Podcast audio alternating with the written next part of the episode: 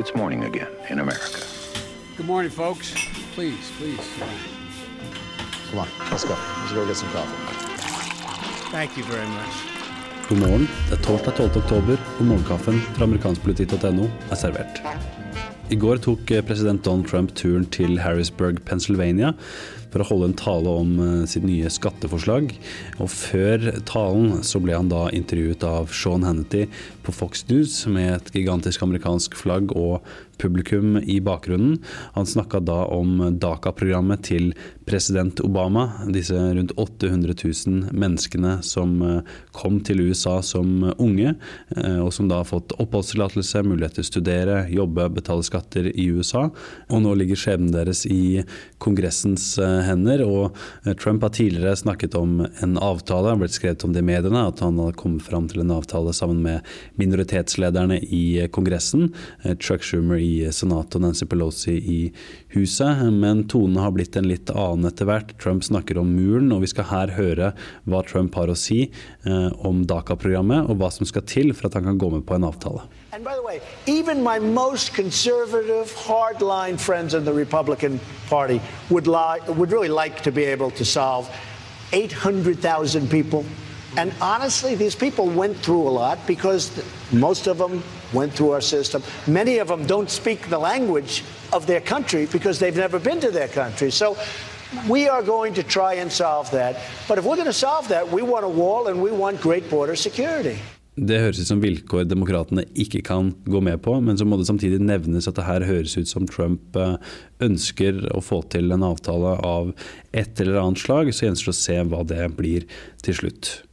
I går så hadde også Trump besøk av Canadas statsminister Justin Trudeau i det ovale kontor. Og mens det kom spørsmål om NAFTA, som de to skal eh, snakke om framover, så var det Trumps uttalelser om den amerikanske pressen som fikk mer oppmerksomhet. Og vi skal her høre et utdrag av hva Trump hadde å si i går.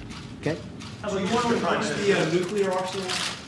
No, I never discussed increasing it. I want it in perfect shape. That was just fake news by NBC, uh, which gives a lot of fake news lately. Uh, no, I never discussed. I think somebody said I want 10 times the nuclear weapons that we have right now. Right now, we have so many nuclear weapons. I want them in perfect condition, perfect shape. That's the only thing I've ever discussed.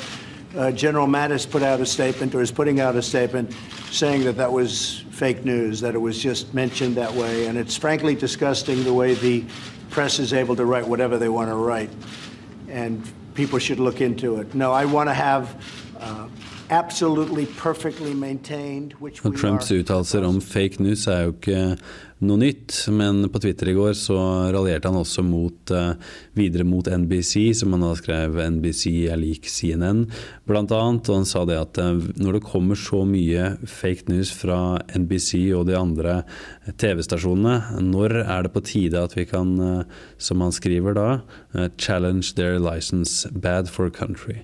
og disse um, uttalelsene som da går mot uh, første grunnlovstillegget til den amerikanske grunnloven, talefriheten, pressefriheten osv., er noe som da fikk uh, Ben Sass, en Trump-kritisk republikansk senator fra Nebraska, til å tvitre og komme med en liten uttalelse som har fått ganske god spredning på, på Twitter. Eh, han skriver da et retorisk spørsmål, må det vel kunne kalles. Eh, han spør da Trump om han eh, tar tilbake eden han ga den 20. januar til å preserve, protect and defend Grunnloven da, og det første grunnlovstillegget.